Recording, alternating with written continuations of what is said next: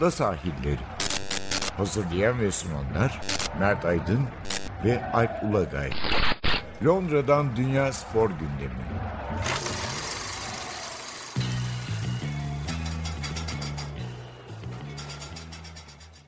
Ada sahillerinden merhabalar. Ben Alp Ulagay. Ben Mert Aydın. Bugün bir olimpiyat programı yapıyoruz. Ada sahilleri bayağı eskidi tabii. Olimpiyatta denk geldi bir yıl gecikmeli olarak. Geçen sene biraz sorunlar yaşasa da ertelense de seyircisiz olarak Tokyo 2020, adı Tokyo 2020 bir yıl gecikmeli olarak başlıyor hatta başladı yani biz kaydı yaptığımız gün bazı turnuvaları yetiştirebilmek için erkenden oynanan maçlar var. Kadınlar futbol, softball gibi. Açılış töreninden önce başlayan oynanan maçlar, müsabakalar var yani. Bugün ilk bölümde biraz bugün olimpiyatların geldiği noktayı anlamını konuşacağız. İkinci bölümde de biraz Türkiye'nin beklentisi, Türkiye'nin yeri, bizim bu olimpiyatlardan beklentimiz biraz onu konuşacağız. İlk önce şununla girelim isterim. 2020 oyunları e, bizim bile herhalde kendi hayatımızda hani kış olimpiyatlarını saymıyorum. Bir 9'un olimpiyat etmiştir herhalde. E, hatırladığımız. Yani ben ilk 84'ü hatırlıyorum. Aşağı yukarı 40 yıl yani tam profesyonel dönem diyebiliriz aslında. 1980'den sonrasında çünkü çünkü 1950 ile 80 ya da 60 ile 80 arası diyebiliriz. Bir yalancı profesyonel daha doğrusu yalancı amatör dönem var. Hani güya amatör ama katılanların büyük bölümü aslında amatör değil. Yani meslek olarak sporu yapıyorlar. Özellikle Doğu bloku ülkeleri. O 1980'den sonra zaten bu artık gizli saklısı kalmadı. Katılan sporcuların büyük bölümü, hepsi olmasa bile büyük bölümü profesyonel oldu. Yani bu 40 yılda ben şeyi gözlüyorum biraz. Özellikle iddialı ülkelerden, yani gelişmiş spor ülkelerinden olimpiyatlara katılanların, daha doğrusu madalya için olimpiyata gelenler artık çok üst düzey sporcular. Yani eskiden de üst düzeylerdi ama şimdi herhalde çok daha iyi hızlanıyorlar. E, hatta sporcuların bir kısmının morfolojisinin değiştiğini bile söyleyebiliriz. Yani 40-50 yıl öncenin jimnastikçisiyle kadın erkek söylüyorum. Bugünün jimnastikçisinin vücut tipleri açıkçası aynı değil. Aynı sporcular değiller. Belki bunu başka belli dallara da e, uygulayabiliriz. Yani yüzmede herhalde büyük bir gelişme olmuştur. E, bir de tabii dünyanın belli ülkeleri bir kısmı çok işin içine dahil değil açıkçası. Yani 1980'lere kadar bile böyleydi. Mesela Afrika çok bu işe dahil olamamıştı ama 80'lerden sonra ciddi olarak girdiler özellikle atletizmde. Bu işe daha iddialı bir şekilde dahil olduğunu gördük. Bir de tabii Doğu Asya. Yani Japonya'nın bir geleneği var 60'lardan beri ama buna 1988'den sonra Kore, yine 80'lerden itibaren de Çin dahil oldu. Hatta 2008 Pekin Olimpiyatlarını hatırlıyoruz. Çin en çok altın madalya alan ülke olmuştu. En çok madalya alan değil ama en çok altın alan ülke olmuştu. Olimpiyatta da madalya sıralaması genelde altına göre yapılıyor. Yani özellikle bizim hatırladığımız bu 40 yılda Aha. gelişimi sen nasıl görüyorsun? Nasıl bakıyorsun olimpiyatlara? Sence ne değişti? Şimdi iyi ayırmak lazım. Senin baş, başında bahsettiğin sporcu kısmı. Ee, sporcu kısmında aynen katılıyorum. Yani birçok şey değişti. İşte sponsorlar artık işin içinde çok daha fazla var. E, sporcular açısından. Ama diğer taraftan ben başka bir yönüne değineceğim. E, organizatör ülke ve şehir açısından işler çok tersine dönmeye başladı. Yani hatırlarsan e, daha 2-3 olimpiyat öncesine kadar birçok ülke, şehir olimpiyat düzenlemeye can atıyordu. E, genelde yaşayan, içinde yaşayan, o şehirde yaşayan insanlar da çok e, heyecanla istiyordu. E, ama şimdi bakıldığında önümüzdeki 3-4 3 olimpiyatın da belli oldu. Yani en son Brisbane'in de alınmasıyla birlikte. E, sanki artık hani biri aday olsa da üç kişi aday oldu. Hadi birine sana birini vereyim sana öbürünü sonra da öbürünü şeklinde bir durum var. Yani e, birazcık e, bazı deneyimlerle birlikte e, bu tesisler biraz e, beyaz fil konumuna gelmeye başladı bir yandan da. Ve çok ciddi paralar harcanmaya başladı. Ve dünyanın tamamında hem ekonomik sorunlar var, işte evsiz insanlar var, mülteciler var, birçok sorun var. Ve acaba olimpiyatları düzenlemek için bu kadar büyük para harcamak e, doğru bir şey midir gibi bir soru ortaya çıktı. Ve de e, üstüne e, Uluslararası Olimpiyat Komitesi de e, bu konuda çok e, insanları ikna edici bir e, görüntüde de değil. Yani orada da bir acayip durum var. Şimdi bütün bunların e, ışığında acaba ilerleyen dönemde şunu mu göreceğiz? Ben onu düşünmeye başladım. Hani daha paylaşılmış olimpiyatlar mı? Hani bir ülkenin, bir şehrin artık yapması çok zor görünüyor. Yapabilirse de e, olsa olsa yine işte şey gibi ne derler? İşte Paris gibi, işte e, Brisbane gibi çok e, ekonomik olarak çok gelişmiş e, ülkelerin ve şehirlerin yapabileceği bir şey haline geldi. Yani Rio deneyimi açıkçası e, çok moral bozucuydu.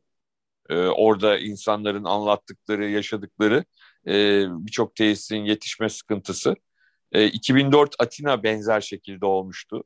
E, bunları düşünürsek bence esas hani olimpiyatların düzenlenmesiyle ilgili, geleceğiyle ilgili e, yeni sorular var. Yani 80'li yıllarda böyle bir kaygı yoktu. 90'lı yıllarda hiç yoktu. 2000'lerin ilk bölümünde gerçekten hiç yoktu. Hatırlarsın herkes şehir bir sürü şehir oluyordu adaylar arasında. Aday adayları, adaylar o eğleniyor, bu eğleniyor. E, 2020'de de en son işte 3 adaydı. İstanbul, Madrid, e, Tokyo adaydı hatırlarsan 2020 için. Evet. Sonra giderek o aday sayıları iyice düşmeye başladı ve en sonunda hani neredeyse hani IOC'nin kapısına çalanı e, IOC sana 2024'ü verdim, sana 2028'i verdim falan şeklinde ödüllendirmeye başladı. Yani e, biraz olimpiyatların organizasyonunun geleceğiyle ilgili çok fazla soru işareti oluşmaya başladı. Pandemi de ve bu yaşanan erteleme ve şu anda işte seyircisiz odur budur bunun üstüne çok olumlu bir etki yaratmıyor bence. Yani insanların kafasındaki e, olimpiyat organize etme, seyretme anlamında herkes mutlu, herkes seyretmek istiyor, herkes için önemli. Ama diğer taraftan da böyle bir sorun var. Yani e, 2032'ye kadar bir şekilde o ülkelere verdiler ama e, sonra ne olacak, ne bitecek e, ya da yeni bir kriz olursa ekonomik ya da e, böyle bir sağlık kriziyle karşılaşılırsa bu almış olan ülkeler nasıl neler yapacaklar?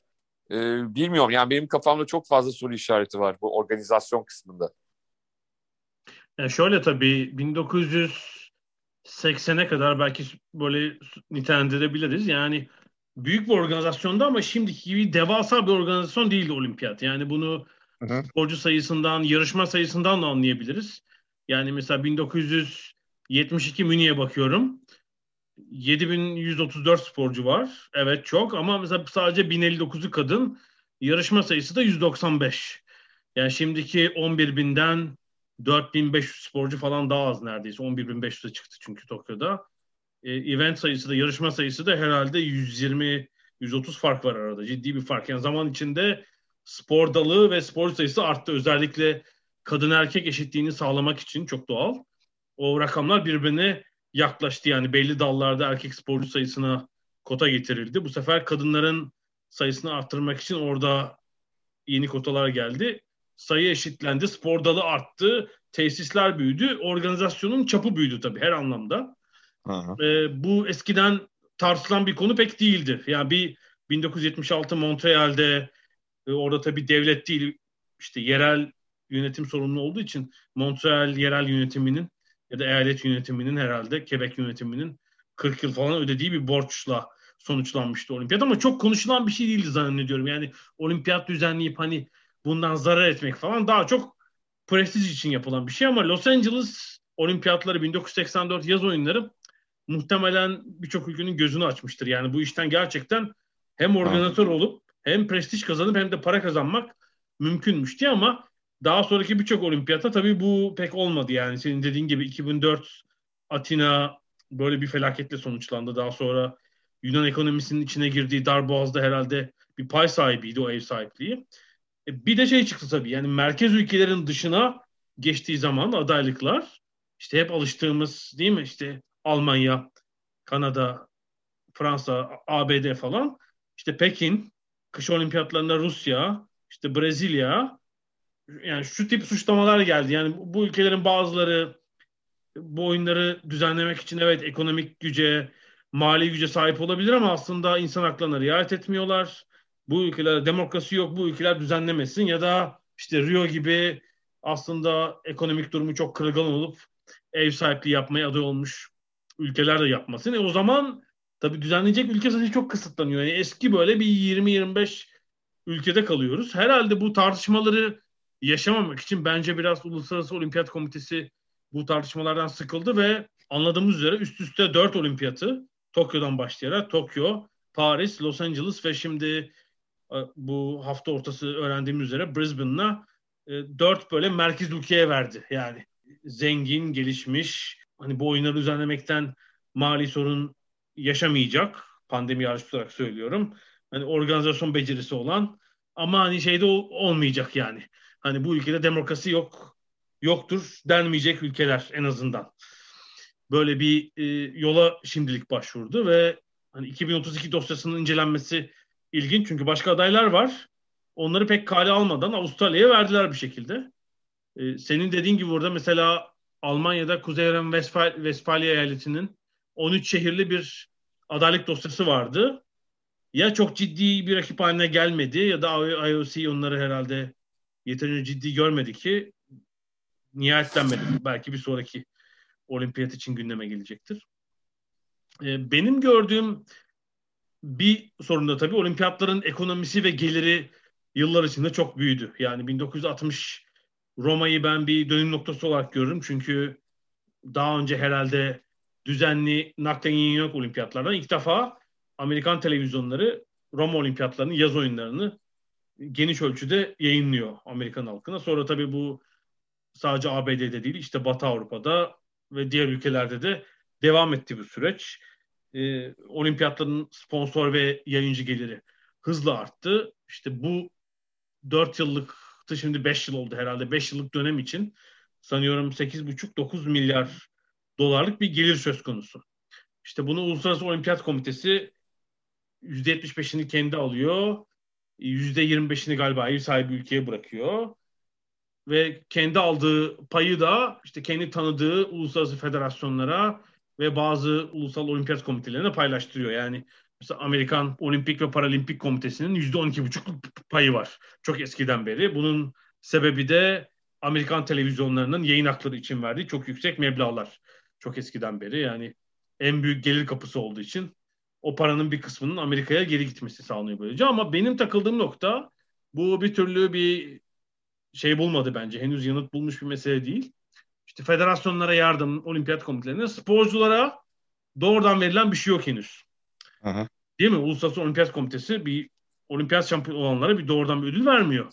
Vermiyor evet. Bildiğim kadarıyla. İşte her ulusal komitenin ya da olimpik programın çeşitli yardımları var. Mesela Büyük Britanya'daki sistem, İngiltere'de içeren sistem 1998'de Milli Piyango sisteminden kaynak aktarılmasıyla oluşturulmuş. Tamamen bir e, özel sektör parası diye. Yani kamunun hiç payı yok mesela Britanya'daki olimpik programda tamamen National Lottery'den dediğim gibi Milli Piyango'dan gelen parayı olimpik programa aktarıyorlar. Böyle bir yöntem bulmuşlar. Bence çok akıllıca. Zaten tekrar yükselişi de böyle başladı olimpiyatlarda Britanya'nın. Ee, ama artık ben şuna takılıyorum. Yani bu bizim bütün spor etkinliklerini izlememizin sebebi futbolda da, Amerikan sporlarında da, teniste de, atletizmde de sporcular ve sporcular uzun yıllar alamadıkları bu payı, maddi desteği bir şekilde bunun bundan daha fazla pay almaları lazım. Yani benim düşüncem şu olimpiyata katılan 11 bin sporcu bir şekilde buradan bir maddi karşılık almalı bir kere. Buraya bir temel mesela bir katılım katılım ücreti. Sonra belki işte şeref listesi ya da aldıkları dereceye göre e, üzerine bir şey daha eklenebilir ama iyi kötü herkes bence bir e, ufak ödülle buradan gitmeli. Yani 11 bin sporcu. Zaten yani çok büyük yıldızların mesela örnek verelim. Ee, hani futbolda en ünlü isimler erkek futbolcular zaten burada yok ama mesela Simon Biles işte 6 milyon dolar gelire sahip. Onun zaten bir buradan gelecek para ihtiyacı yok. Yani sponsorları var ama işte küçük ülkeler, Afrika ülkeleri, e, belki yani gelişmiş ülkelerin biraz daha geri planda kalmış spor dallarının sporcuları mesela modern pentatlon değil mi mesela? Çok yani kanocular. Kanocular mesela evet çok güzel. Çok göz önünde olmayan spor dallarının çok ihtiyacı olabilir. Yani buradan gelecek bir e, 20, 30 bin, 40 bin dolar müthiş bir etki edecektir o sporcunun yıllık bütçesine. Yani belki zaten arttırır. 80 bin dolarla çeviriyor bütün sezonu. E, bu anlamda bir atılım olması gerek ama işte bu uluslararası kurumlar da malum biliyorsun bunların yönetimi biraz garip. Ellerindeki gücü, mal, mali gücü de pek paylaşmak istemiyorlar. Bu konuda bence ileride bir değişiklik olacak gibi geliyor yani şu an olmadı. Biraz e, belki e, yaş grubu olarak daha e, genç ve dinamik bir grup gelirse değişebilir bazı şeyler. Şunu konuşmak isterim. Şimdi herhalde burada en fikir oluruz. Biz hani gazeteci olduğumuz gibi aynı zamanda spor severiz. Değil mi? Olimpiyatları izleme sebeplerimizin herhalde başında atletizm gelir, yüzme gelir, jimnastik gelir. Yani bu üç temel spor dalı başka bireysel dallar da ekleyebiliriz. Yani bu dallar için hala olimpiyatlar bir zirve. Yani herhalde atletizmde değil mi alınabilecek en büyük ünvan herhalde olimpiyat şampiyonudur bu. Tabii yani burada kaç spor dalı vardı şu anda? Olimpiyat oyunlarında. Şu ee, an bu sefer eklenenlerle kaykayı falan. 33. 33. Yani bu 33 spor dalının herhalde yaklaşık 28-30 tanesi için alınabilecek en önemli şey olimpiyat şampiyonluğu zaten. Evet, zaten yani şey olmayan bura, yani olimpiyatların en yüksek ünvan olmadığı dallar zaten kendini belli ediyor. İşte erkekler futbol mesela. Tenis. Mesela beyzbol tabii ki hani değil falan. Benim takıldığım şu ıı, takım sporlarında bir değişim oldu gibi. Bir son 20-25 yıl. Takım sporları için de yani özellikle futbol dışı dallar için basketbol, voleybol, handbol, işte Hı-hı. team hockey falan çok önemli bir yerde olimpiyat ama bu özellikle kıta şampiyonaları Avrupa'da bilhassa dünya şampiyonları falan bir daha önem kazandı. Mesela genişledi turnuvalar. Yani evet. 8 takımla yapılan Avrupa şampiyonası artık mesela 24 takımla yapılıyor basketbolda erkeklerde. Hı-hı. Kadınlarda bile 16'lık tablolar falan var. Ee, sanki biraz bu olimpiyatın da bu işte sporcu kısıtlaması, takım kısıtlaması sebebiyle takım sporlarında biraz acaba daha mı eskiye göre daha mı az önemli? Bunu şey yapamıyorum. Sanki biraz bu yöne doğru bir gidiş var gibi hissediyorum ama tam emin olamadım. Ne dersin bilmiyorum. Bence yine e, voleybolda mesela bence hala şeyleri yani hala en önemli şey gibi geliyor bana. Erkek basketbolda haklısın gibi geliyor. Biraz erkek basketbolda hani bir yandan NBA var. Evet. Bir yandan da e, Avrupa'da da çok ciddi artık hani kulüplerin yine çok ön plana çıkması. Euroleague. Bilemedim yani sana e, şey veriyorum, hak veriyorum. Öyle söyleyeyim. Ya şöyle de işte ama, mesela. Ama voleybol sanki çok o yok gibi. Yani voleybolda yine bu şey hani tamam voleybolda bile biliyorsun 167 tane değişik turnuva var. Ee, belki de ondan kaynaklı olarak yine de olimpiyat onların arasında en ön plandaki gibi geliyor bana. Özellikle kadın voleybolunda şöyle bir şey var. Yani bu olimpiyattan kaynaklanmıyor bence. Acayip bir küresel dengesi var mesela kadınlar voleybolunun. Doğru. Ya Avrupa ülkeleri iyi. Tabii ki Sırbistan, işte Rusya, İtalya, Türkiye ama mesela Amerika ülkeleri de iyi. E, Doğu Asya ülkeleri de çok iyi voleybolda. O yüzden hani Asya'dan takım aldığınızda böyle fasulyeden takım olmuyor. Gerçekten evet. hani şampiyonluk için geliyor işte Çin oraya dünyanın iyi ülkesi falan. Bir de çok e, aslında çok oynamalarının tek avantajı var. Ben çok sevmem hani habire maç yapmalarını değişik turnuvalarda ama bir yandan da o kadar birbirleriyle bir rekabete giriyorlar ki artık hani yani eminim yani Çin takımı da Türkiye'yi ezbere biliyordur. Türk takımı da Çin takımını ezbere biliyordur falan filan. Bütün takımlar birbirleriyle çok böyle oynamaktan e, çok ekstra bir rekabet içindeler. Belki o da onlara e, o anlamda dediğin dengeyle birlikte çok önemli bir şey veriyor. E, heyecan veriyor. Mesela kadın futbolu için şunu hissediyorum. Hani 20 yıl önce, 10 yıl önce çok önemliydi olimpiyat şampiyonluğu. Önemsiz demiyorum ama mesela dünya kadınlar dünya kupası başka bir yere gidiyor. Mesela bir, bir iki olimpiyat sonra falan kadınlar dünya kupası futbolda olimpiyatın önüne geçebilir gibi geliyor bana. Sanki öyle bir hava var. Ya futbolda da öyle bir şey olacak gibi. Mesela öyle bir hissiyatım var. Onun için ama voleybol için evet bence de hiç şüphesiz olimpiyatlar en büyük turnuvadır. Herhalde Handball için de öyledir. İşte basketbol böyle bir şeyde kaldım. İki arada bir derede kaldım. Ben kadın basketbolda hala öyle ya. Biraz belki erkek basketbolla ilgili şüpheler var. Peki bu bölümü çok uzatmadan şöyle bitirelim. 1980'den beri hatırlıyorsundur herhalde olimpiyatları değil mi? Öyle tahmin ediyorum. Evet, o 11. olacak.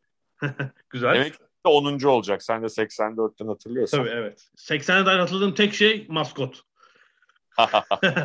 yani 4 yaşında bir bebek olarak, çocuk olarak tabii anca bir ayıcı hatırlayabilirim. Altını hiç hatırlamıyorum. Ben de 5 yaşındaymışım ama hiç şey yok kafamda yani. Peki ya olimpiyatı böyle sana sevdiren, vay be dedir, dedirten sporcu, sporcular, takım ne geliyor aklına? Ya tabii şimdi o ilk seyrederken söyleyeceğim çünkü hani şey farklı. Daha sonra hani okuduktan, öğrendikten sonra geçmişle ilgili, seyretmediklerimizle ilgili. Tabii yok. Hani şimdi 80'den bu yana diyorum, kastediyorum zaten. Tabii daha eski değil. Evet. Ya e, 80 olimpiyatlarında ya bir kere kesin Sebastian Kostiovet var. Yani hiç tartışmam. E, ilk etapta beni heyecanlandıran e, belki de hani sadece olimpiyat değil atletizme de ilgiyi, ilgimi arttıran e, o ikisinin rekabetiydi. E, 1980 Moskova olimpiyatlarından hatırladım. Yine o olimpiyattan e, ilgimi çeken hani çok böyle acayip boks meraklısı bir adam değilim bu arada. Ama ne bileyim Theophilus Stevenson e, adam sadece finale kadar yarı finale kadardı. Her maçını e, knockout'la kazanıyordu. 15. saniye. Bir tane gariban Nijeryalı boksör hatırlıyorum. Yani adamın sağ, e, şeyden ringden alırlarken adam perişan durumdaydı yani. Ve çok e, beni etkilemiş olan onu hatırlıyorum 80 olimpiyatlarından. Mirut Zifter'i hatırlıyorum. Yaşlı bir amca kazanıyordu habire böyle 5 bin 10 bin şeklinde. Onlar böyle e, aklımda kalmış. Yani Türklerin yarışmadığı, Türkiye'nin olmadığı bir olimpiyattı. Hani Türkiye tarafından beni heyecanlandıracak o anlamda hiçbir şey yoktu.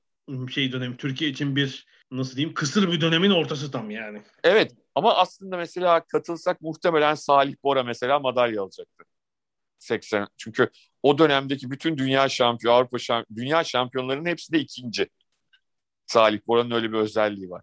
Yani 1980'de de büyük ihtimalle yüzde yüz kimse bir şey diyemez ama formunun zirvesinde bir madalya al, alabileceğini düşünüyordum mesela. Şimdi baktığımda düşünüyorum. Yani 77'de almış, 79'da almış galiba. Hani her e, şey ne derler bu kadar e, iyi giderken 80 onun için çok iyi olmamış.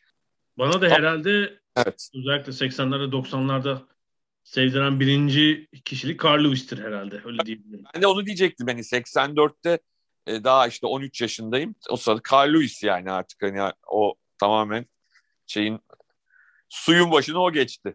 e, hem öyle oldu. Bir de arada o dünya şampiyonları başladığı için çünkü 83'e kadar dünya evet. şampiyonası yok atletizmde. Orada da çok o tabii ya çekişiyor ya dünya rekoru kuruyor hep işin içinde. Yani bir aşağı yukarı 10 yıla damga vurduğu için 83, 91 hatta 93 diye bile diyebiliriz belki. E, 4 olimpiyatta da yarışıp uzunda altın aldığı için bir hani bence efsanevi sporculardan biri çok payı var gerçekten. Bunu söyleyebilirim. E, bir de bir dramatik an eklemem lazım. 92 e, Barcelona'da Derek Redmond'ın başına gelen hani bence en dramatik anlardan biri. Film gibi bir an şey yani bir birkaç dakika yani Derek Redmond ve babası James miydi? James'ti galiba değil mi? Önceden ayarlasan olmaz ya. Hani e, dersin e, böyle bir şey yapamazsın yani. Önceden böyle bir şey olsun diye beklesen e, senaryosunu kursan olmaz. Tabii. Bu, bu kadar doğal ayarlayamazsın yani. Şey yapsan. Mizansen olsa bu kadar doğal olmaz. 400 metre yarı finalinde 92 olimpiyatlarında Derek Redmond sakatlandıktan sonra tribünden babasının atlayıp onu finişe kadar destekleyerek çünkü arka delesi kopuyor herhalde. Destekleyerek finişe kadar götürmesi. Orada hakemlerin girip e, yarışmalar aksıyor. Çıkın siz kimsiniz falan diye müdahale etmeye çalışması ama babanın onları def etmesi el hareketiyle. Evet. Sonra yani bu dinleyenler bu olaydan haberi olmayanlar YouTube'a falan girip e, yazarlarsa Derek Redmond 1992 e, bu görüntülerini de izleyebilirler.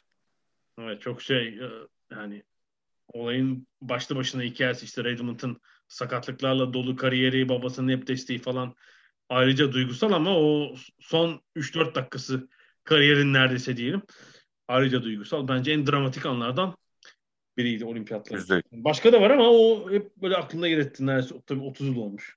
Şaka bu, bu kısmı kapayalım. Biraz böyle olimpiyatlara genel bir bakış attık. Nereden nereye geldi diye son son 40 yıl içinde. Ara verelim. Aradan sonra da biraz Tokyo 2020'yi konuşacağız.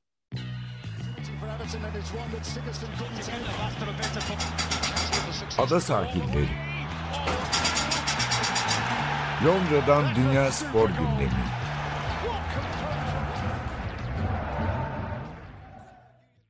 Ada sahiline devam ediyoruz. Biraz da bu olimpiyatları konuşalım. Yani Tokyo Tokyo 2020 kisvesi altındaki Tokyo 2021 markalama sebebiyle tıpkı Euro 2020'de olduğu gibi isim değişikliği yapılmadı. Tokyo 2020 ismi korunuyor. Şimdi bu olimpiyatlara gelince tabii pandeminin aksattığı bir spor dünyası var tabii. Özellikle olimpiyatlarla iddialı bir sürü ülke ve sporcu için ciddi bir sorun oldu herhalde. Yani antrenmanların aksaması, aradaki hazırlık turnuvalarının gecikmesi, mesela Londra'da olmuştu işte. Londra'daki 2020'de yapılan hazırlık turnuvası bir yıl sonraya başka ülkeye alındı falan. Yani tüm aslında düzen aksadı. Hatta olimpiyatların bile başlaması biraz neredeyse zoraki oldu yani. Japonlar neredeyse vazgeçecek, cayacaklardı bu işten. Yani yarısında, yarısında da bırak, bırakmalarından korkuyorum. Ya. Yarı yol. Ya seyirci yok, bir şey yok. Ya şunu yapana kadar bir halkın yarısını aşılasaydınız ya bu kadar şey olur mu? Eziyet çekilir mi? O kadar gelişmiş, zengin ülkesiniz yani. Biraz garip. Neyse ben bir şekilde biteceğini düşünüyorum. Yani seyirci falan olmadığı için. Olsa olsa ara, arada biraz karantina problemleri falan olur. Birkaç gazeteci 10 gün falan o da otel odasında kalır. Ee, ama sporcular bir şekilde tamamlarlar diye düşünüyorum. Şimdi e, bu olimpiyatlarla ilgili bu arada çeşitli araştırmalar var tabii. Hı. Bunlardan biri benim itibar ettiklerinden biri Grace Noting'i.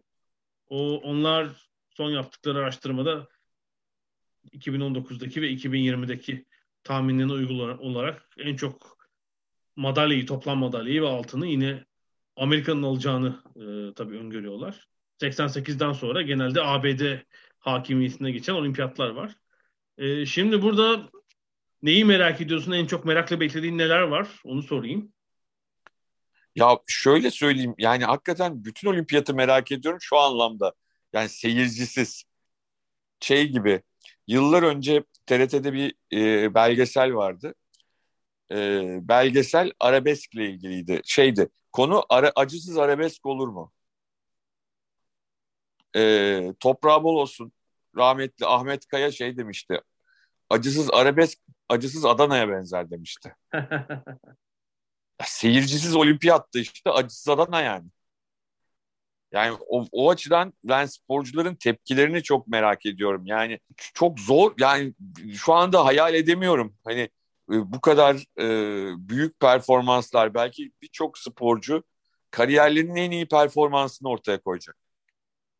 Çünkü olimpiyatlar genelde buna çok sahne olan bir organizasyon. E, atletinden jimnastikçisine, kanocusundan yüzücüsüne kadar. Ve bu adamlar kimse alkışlamayacak. Hani orada birkaç görevli dışında. Kimse yani... onları yarışma sırasında desteklemeyecek. Kimse onları itmeyecek. Ya çok çok acayip bir şey ya. Yani şöyle söyleyeyim. Şey bile o kadar acayip değil. Hani e, geçen yaz hatırlıyor musun? İngiltere Ligi falan seyircisi Alman Ligi falan izliyorduk. Hı hı hı. Ya o bile daha az acayipti öyle söyleyeyim. Mesela hani bir olimpiyat stadında boş tribünler önünde atletizm yapılması. Biraz Büyük... şeyde Doha'da biraz tatbikatını yaptık galiba. Doha'daki boş tribünleri hatırlarsın Dünya Atletizm Şampiyonası'nda. Evet ama yine de hani sporcunun şeref turu atacağı bir seyirci grubu vardı. hani bayrağına falan. Ya olimpiyatlarda özellikle olimpiyatlarda olur. Yani olimpiyatların en kısa yarışması değil mi herhalde? 100 metre erkekler yarışı. Kadınlarda da biraz öyle ama hani erkeklerin bir ayrı şeyi var. Hani en hızlı insan dünyadaki o yarışı kazanan. Hani tam start verilmeden o 80 bin, 90 bin, 100 bin kişi böyle bir susar. İnanılmaz evet. bir sessizlik olur. Bilirsin onu. Sonra evet. ama o 10 saniye değil yani 9 9,80 70 60 60 saniyelik yarışta böyle bir uğultu çıkar tabii. O kalan kısmı. Hiçbiri olmayacak. Evet. Yani start tabancası hatta muhtemelen sprinterlerin, sürat koşucularının adımlarını falan duyulacak koca statta.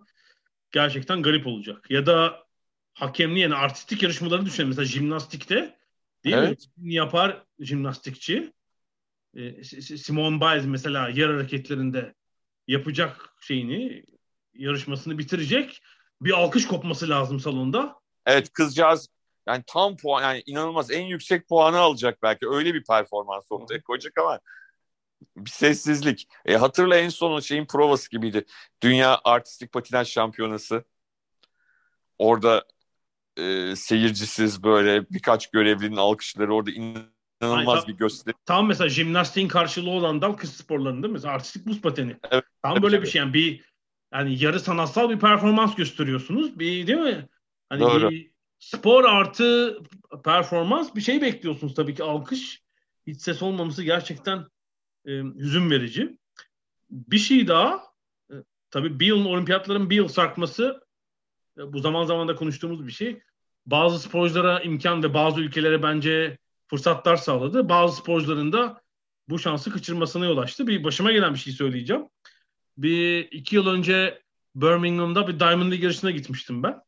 Hı. Bilmiyorum hatırlıyor musun? Bir işte yarış sonrası Mixon'da röportajlar yapıyorum işte Shelley Fraser Price falan hı. takım sporcularla. Bir İspanyol kız geldi. Fotoğrafımı çeker misin dedi ama yani ben kendi telefonumla çekeceğim ona göndereceğim. Mailini verdi bana. Çünkü 3000 engelli de olimpiyat barajını geçmiş. Irene Sanchez Escribano. Neyse fotoğrafını çektim. Ben mail attım.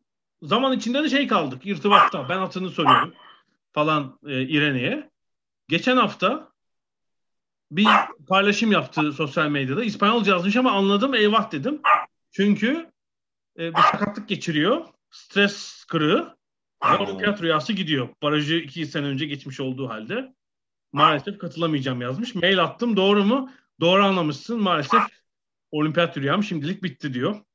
E, gidemeyeceğim. Üzgünüm ama hani yapacak bir şey yok. Şu an sakin kalmaya çalışıyorum. Yani zaten çok iddialı bir sporcu değil ama onun için işte katılmak, Ya ilk, ilk olimpiyatına katılmak çok önemli bir şey olacak 29 yaşında. Yani olayı sa- maalesef bazı insanlar hakikaten anlamıyorlar ve sadece madalya üzerinden gidiyorlar. Ya orada ya ben dedim şöyle anlatayım. Ya ben gazeteci olarak herhangi bir sportif faaliyette bulunmamama rağmen ilk gittiğim olimpiyatta elim ayağım boşaldı açılış töreni. E, bu kadar yani. E, anlatabileceğim bu sporcuyu benim kaç katım yani hani şeyini e, e, siz düşünün e, o heyecanı yaşadıklarını. Sonuçta ben sadece tribünde oturup o onu yaptı bu bunu yaptı diye yazıp birkaç kişiyle röportaj yapıyorum. Başka bir şey heyecanlanmıyorum yani. evet, Ama bir de şeyi düşünelim. Çok farklı Hani- yani. Hani bahsettiğim yine sonuçta bir İspanyol sporcu yani. işte dünya sporunun hani ilk 10 demesem bile ilk 20 ülkesinden biri. Hani oradan olimpiyata büyük turnuvalara katılmak nispeten daha yani bir sürü mikro ülke var yani. O mesela Evet. ülkesi adına katılan belki zaten işte 4 sporcu var. Katılmak için maddi olanakları çok az. Bir sürü yoksul, imkanı kısıtlı ülke var. Yani oradan hele katılan sporcu için şampiyonluk madalya şansı olmasa da işte diğer 11.500 sporcuyla orada olmak Tabii. gerçekten olağanüstü bir tecrübe. Ee, şeyi gördüm. Victoria Zeynep Güneş Djokovic'le olimpiyat köyünden fotoğraf e, e, koymuş sosyal medya hesabına. Eyvah karantina. Karantinaya. Hani, yani hani bu bile tek başına şey. Bırak katılıp madalya almayı. Hani bu bile önemli bir şey ya. Ee, anlatıyorlardı. Ee, ilk şeylerle konuşmuştum. Voleybolcularımız 2012'de e, onlar işte bitti. Geldiler hatta Esra e, bizim programa konuk olmuştu. E, o anlatıyordu. Yani hani şey bak oraya bakıyorsun e, şeyde e, basın şey basın diyorum olimpiyat köyünde Kobe Bryant. Oraya bakıyorsun bilmem kim. Michael Phelps. Oraya bakıyorsun şu. Oraya bakıyorsun bu çok çok acayip bir şey. Yani e, bazen siz kendi sporunuzda çok önemli biri olabilirsiniz ama hayran olduğunuz adam başka bir sporun kahramanı olabilir ve o onunla tanışmak sizin için çok önemli olabilir. Yani şeyi söylemiyorum bile yani zaten sahaya hani piste çıkıp havuza girip neyse işte mindere çıkıp hani kendi sporunu icra etme işini en yüksek noktası olması o, o da o da ayrı bir şey. Ama çok fazla noktası var ve hani olayı sadece madalya aldı almadı kısmına e, indirgeyemeyiz sporcu açısından bireysel olarak. E, merakla beklediklerimize gelince ben demin de bahsi geçti. Yani Simon Biles'ın buradaki performansını merak ediyorum. Hele ikinci kez genel bireysel tasnifte de şampiyon olursa ki evet. 1968'den beri bunu başaran bir kadın sporcu yok. Arada Aha. erkek var ama kadın sporcu yok. Olağanüstü bir başarı olacak. Yani iki olimpiyat üst üste bireysel tasnifte şampiyon olmayı başaran yok. O, ve de e, yani şeyi de 2012'de yarışmayı da yaş anlamında çok kıl payı kaçırmıştı diye hatırlıyorum. Yani üçleme bile yapabilirdi. Evet tabii yani 2013'ten beri hiç geçilmiyor zaten bireysel tasnifte. Bir kez tabii. arada 2017'ye evet. katılmadı galiba. Olimpiyat sonrası bir off verdi o. Ama evet. yani 2013 14-15 dünya şampiyonları, 16 olimpiyat, 18-19 dünya şampiyonası. İşte bir de bu olacak. Ee, zaten rakibi de herhalde kendi vatandaşları olur. Ee, olağanüstü başarı olacak ki ayrıca dünya şampiyonlarında da en çok altın ve toplam madalya kazanan sporcu zaten.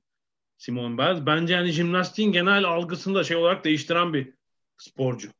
Çünkü hani olimpiyat dışında bu bazı dallar Amerika'da da böyledir ya biraz az hatırlanır hani. Pek gündeme Hı. gelmez.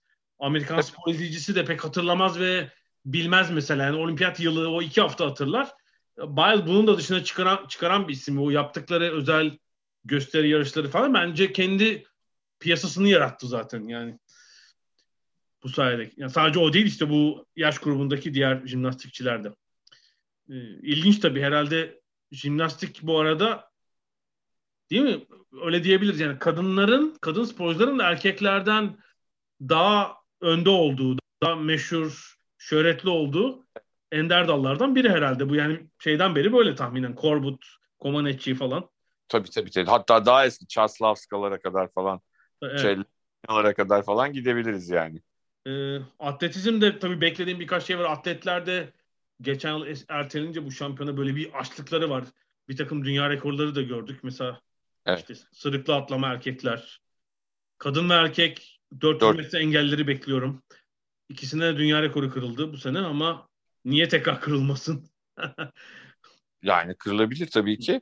Ee, ama dediğim gibi ben hani genel olarak e, seyircisiz şey, e, sporcuların tepkisini merak ediyorum ve de e, hani Türkiye takımını merak ediyorum açıkçası. Çünkü bu kez e, çok farklı dallarda çok enteresan sporculara sahibiz. Yani klasik dallarımızı aşmaya başlamıştık yavaş yavaş ama e, ne bileyim işte jimnastik hep çok konuştuğumuz bir spor dalı.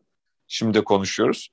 E, üç tane çok özel sporcumuz var. Aslında bütün takım öyle de. Hani üçü dünya e, şampiyonalarında ve Avrupa şampiyonalarında madalya alan. Yani bizim ta- hayatımızda tahayyül edemediğimiz daha önce bir durumla karşı karşıyayız. Evet, On... bir buçuk yıl önceki bir programda istatistiğinde vermiştim. Yani yüzme, atletizm ve jimnastikteki dünya şampiyonlarında olimpiyatları katmamıştım galiba. Ki atletizmin dünya şampiyonası nispeten yeni yani diğerlerine göre. Hı. İşte verilen 8 bin küsür madalyanın kaçı ne almıştı Türkiye? İşte 6 mı 7 mi falan. Hani komik bir sayıydı. Yanılmıyorsam. Ki jimnastikte işte son dönemde geldi zaten. Evet evet. Beni heyecanlandıranlar söyleyeyim yani bu olimpiyat Türkiye açısından.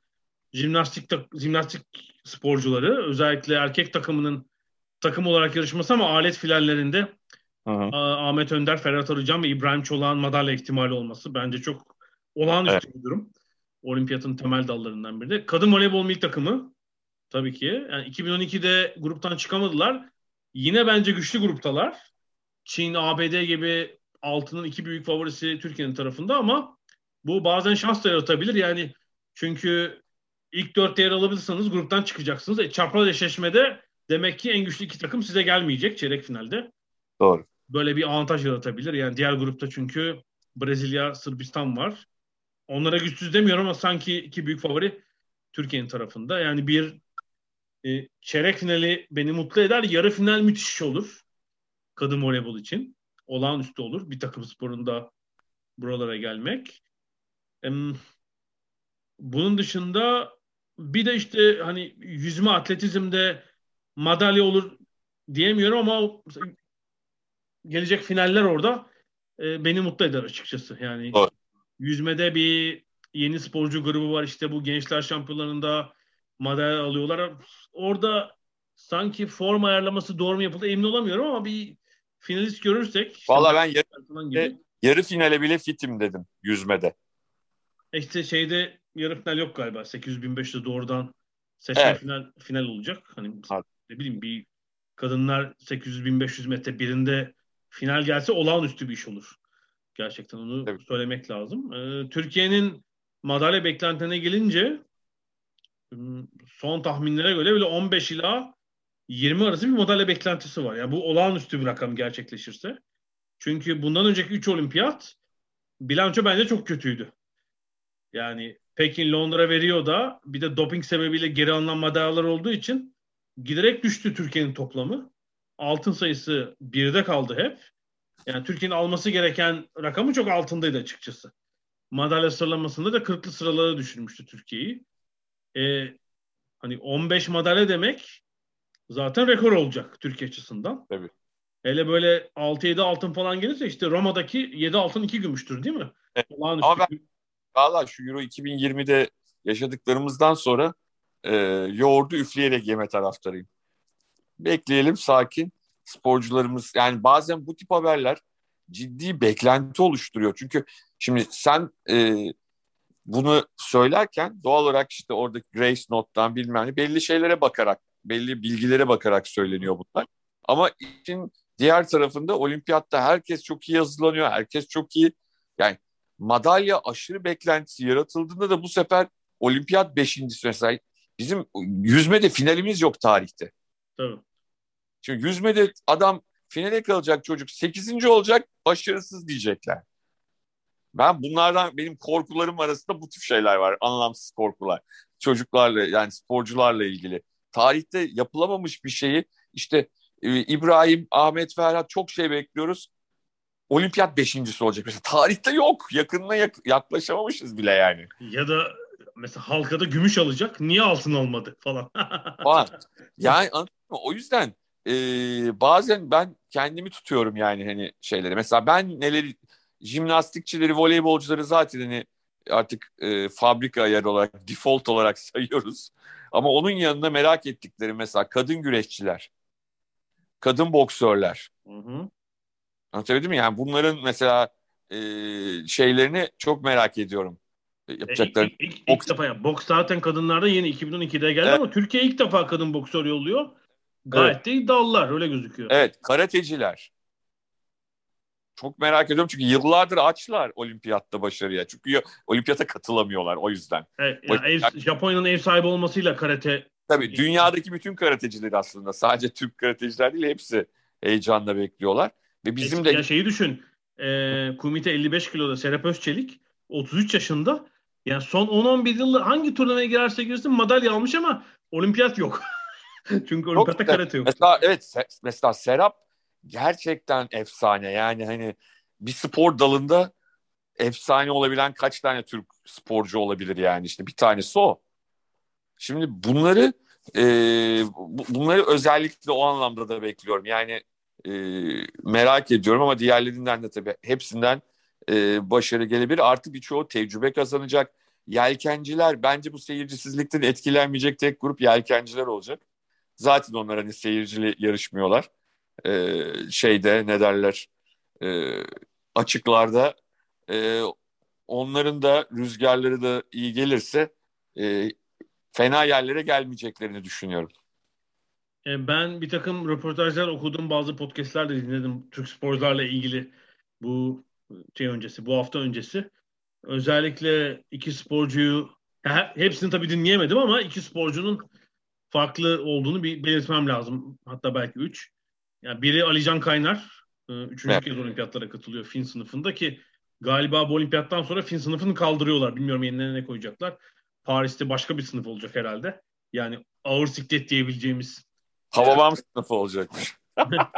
erkek yelkenciler için. E, Gerçekten çok bilinçli hani hem kendini bilen, sporu bilen çok e, iyi bir profesyonel olduğunu gördüm. Yani sırf bu olimpiyat okyanusta olacak diye mesela son herhalde iki yılın önemli kısmını Kanarya Adaları'na geçirmiş. E, daha iyisini yapabilmek için. Ki geçen olimpiyatta 13. olmuştu. Belki evet. bunu şeref listesinde göreceğiz yani. Hani Bayağı da iyi hatırlarsan. E, e, çünkü çok iyi anlattı sebebini. E, Rio'da Körfez'in içinde başlamış.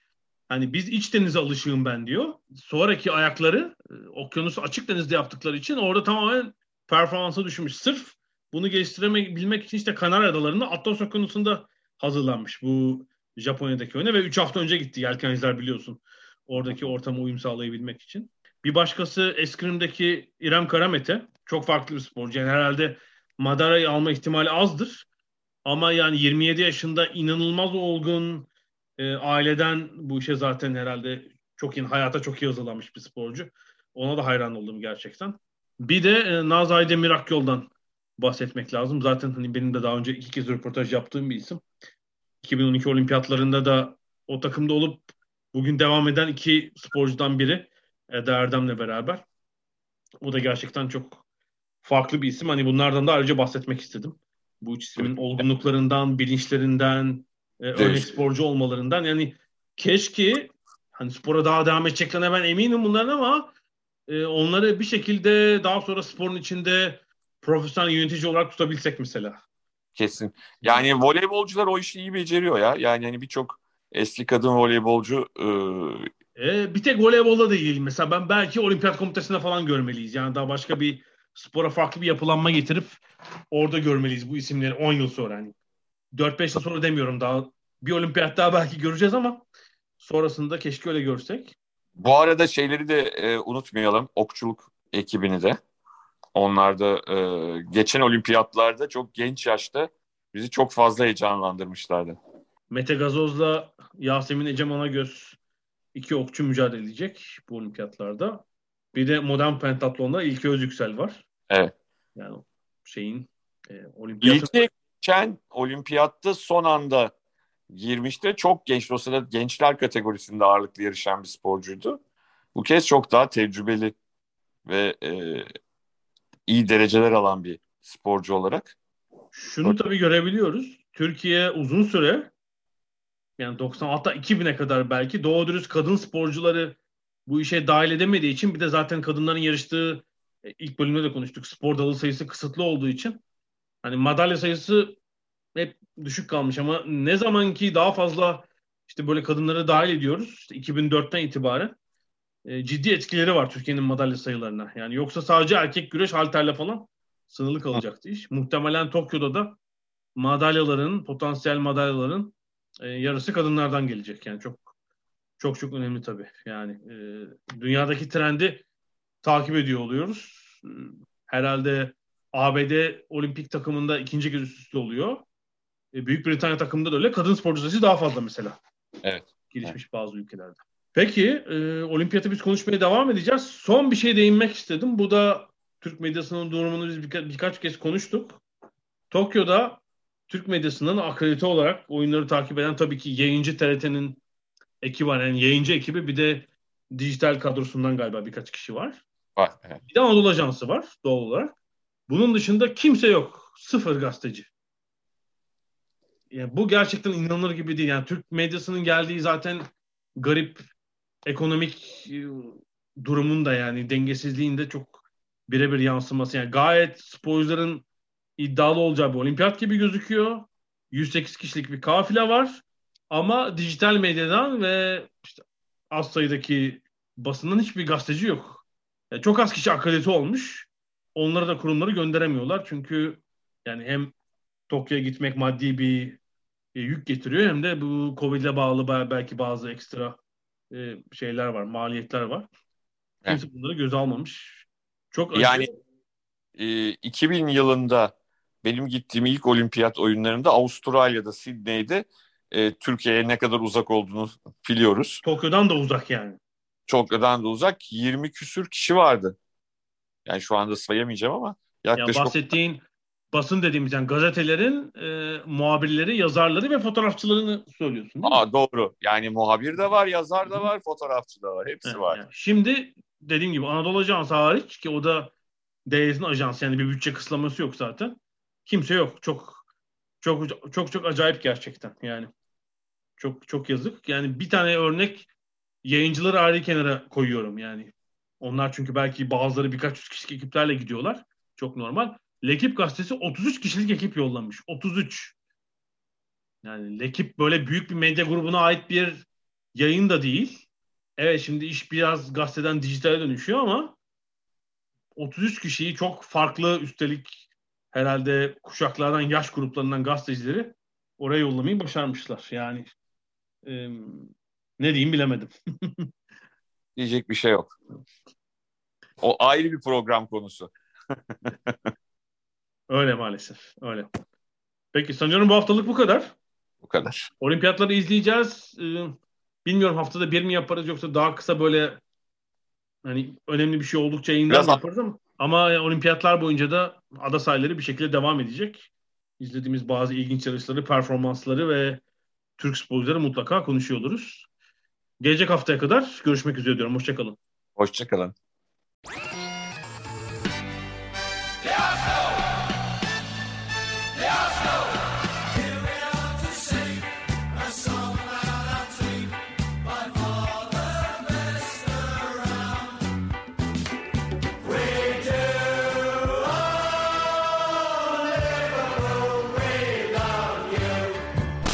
Ada sahilleri.